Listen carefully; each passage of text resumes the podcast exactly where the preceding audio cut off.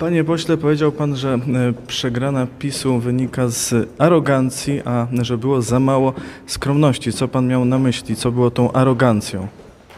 No nie, ja tak nie do końca powiedziałem. Ja powiedziałem, że e, Polacy po 8 latach rządów jakiejkolwiek formacji politycznej e, dotyczy to myślę, że każdego kraju. Oczekują więcej skromności niż braku tej skromności. I myślę, że te działania sprawiły, że mogło nam zabraknąć tych 2-3%, które być może sprawią, że nie będziemy rządzić. Pewnie tak sprawią.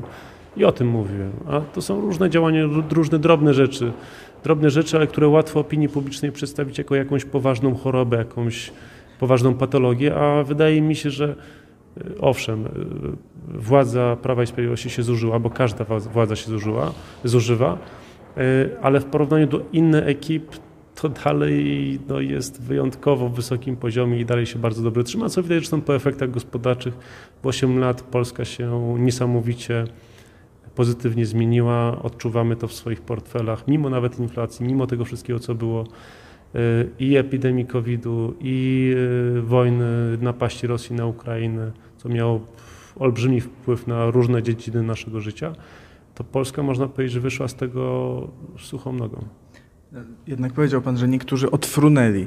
To co Pan miał na myśli? No tak powiedziałem. No, tak to jest, że niektórzy Yy, zaczynają wierzyć w to, że są nieomylni, że, że wiedzą wszystko najlepiej, a polityk to przede wszystkim powinien potrafić słuchać i nawet jeżeli ma swoje inne zdanie, to podchodzić z, takim, z taką dużą wrażliwością do drugiego człowieka i czasem po latach, no właśnie ta władza się zużywa, zamiast tej skromności jest za dużo pewnego rodzaju arogancji.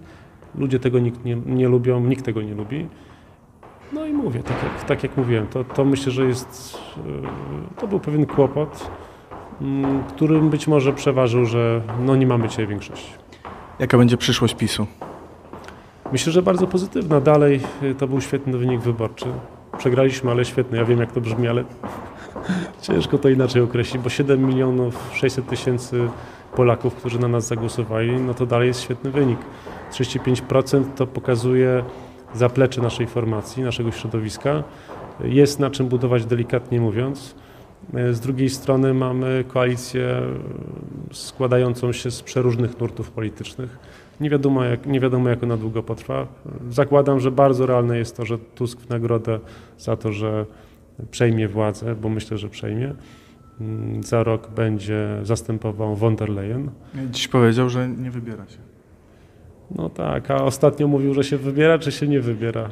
Jak zanim został przewodniczącym komisji. Te, też stwierdził, że to, że to du dużo wcześniej niż za rok, także musiałby się spieszyć.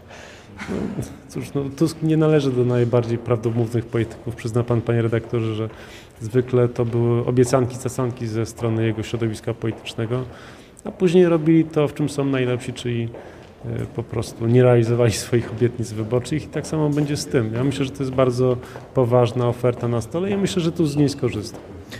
E, chciałem jeszcze zapytać o. E, A wtedy nową... dojdzie oczywiście do no, poważnych komplikacji po stronie nowej większości, no bo będzie walka o Skodę po Tusku, kto ma być premierem, pewnie rekonstrukcja całego rządu, no i utrata jednak tej osoby, która spaja w dużej mierze ten obóz e, nowej większości. A nawet jeżeli on zostanie, to tak czy inaczej myślę, że Polacy w ciągu kilku miesięcy, roku, dwóch, no jednak będą zauważać, że nie poprawia się ich życie, że obietnice nie zostały zrealizowane. Również te obietnice, z, którym, z którymi ja się nie zgadzam i nie chciałbym, żeby były zrealizowane, ale jakiś elektorat, który głosował na Platformę, na Tuska, na przykład chciał, chciałby liberalizacji aborcji, prawa aborcyjnego no, widać, że raczej to dowiezione po prostu nie zostanie i myślę, że e, ta część Dziś, dziś e, Donald Tusk mówił, że ma tę ustawę właśnie w teczce do e, złożenia w najbliższym czasie. Tak, no ja słyszałem, że Donald Tusk miał już w teczce również projekt 500 w 2015 roku, tuż przed wyborami. No, Tusk ma bardzo pojemną teczkę, ma tam wszystkie ustawy. No zobaczymy. No, jest coś takiego jeszcze poza tym jak wyrok Trybunału Konstytucyjnego, obowiązujące w Polsce prawo. To nie są przelewki. Jedno można mówić, że się, nie wiem, prezes NBP za pomocą silnych ludzi, cytuję, tak mówił Tusk w kampanii, wyprowadzi z budynku, a dwa, później, a dwa to później jest to życie i prawo, którego trzeba przestrzegać i gdzie już takie no, dyrdy małe po prostu nie uchodzą. E, Przekonamy się wkrótce. Chciałem jeszcze zapytać o Pana e, książkę Wszystkie pionki e, Putina. Bardzo ciekawy tytuł. Chciałem zapytać, czy dużo tych pionków Pan znalazł i czy dużo jest ich szczególnie w Polsce? Książka jest przede wszystkim o szeroko rozumianym świecie zachodu. O Polsce też jest kilka rozdziałów, ale ona powstała dość niecodziennie, bo to nie miała być książka, to miał być raport mój jako przewodniczącego Komisji do Spraw Unii Europejskiej, ale z różnych względów ten raport nie został opublikowany. Nie chciałem, żeby praca poszła na marne, więc ten raport przerobiłem, przerobiłem na książkę e, i tak ona powstała. E, Tych pionków tak, jest bardzo dużo i coraz częściej, no, coraz więcej ich się pojawia nowych na, na, na tej e, szachownicy. Dosłownie kilka dni temu dowiedzieliśmy się, że jeden z uznawanych za najbardziej czy najwybitniejszych ekspertów do spraw Rosji, niemiecki pisarz, przepraszam teraz nazwiska sobie nie przypomnę, ale za to, że pisał e, pod tezę książki o Rosji, dostał od bliskiego oligarchy Putina 600 tysięcy euro raptem kilka lat temu no to pokazuje, jak bardzo jest Zachód i my też na pewno zinfiltrowani. To nie musi być tak, że przychodzi, wiecie Państwo, agent, prawda, jakiś FSB, podpisuje się jakieś tajne dokumenty, deklaracje, prawda, poparcie, nie wiem, lojalki jak w PRL-u.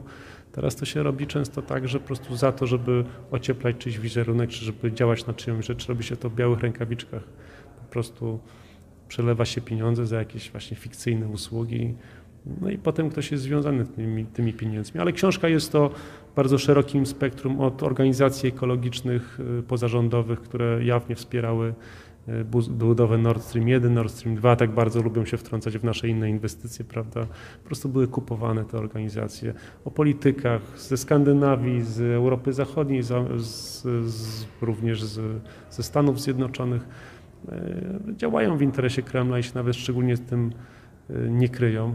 No to jest takie szersze spektrum tego, jak media również, no to jest niesamowite, jak szeroki strumień pieniędzy płynął wprost z Kremla każdego roku, przez 10 lat co najmniej, do 28 największych tytułów e, świata zachodu. Od New York Timesa, po Der Spiegla, po El Pai, wszystkie te gazety przez 10 lat otrzymywały co miesiąc e, dziesiątki czy nawet setki tysięcy euro za to, że publikowały treści e, przekazywane im przez telewizję publiczną rosyjską.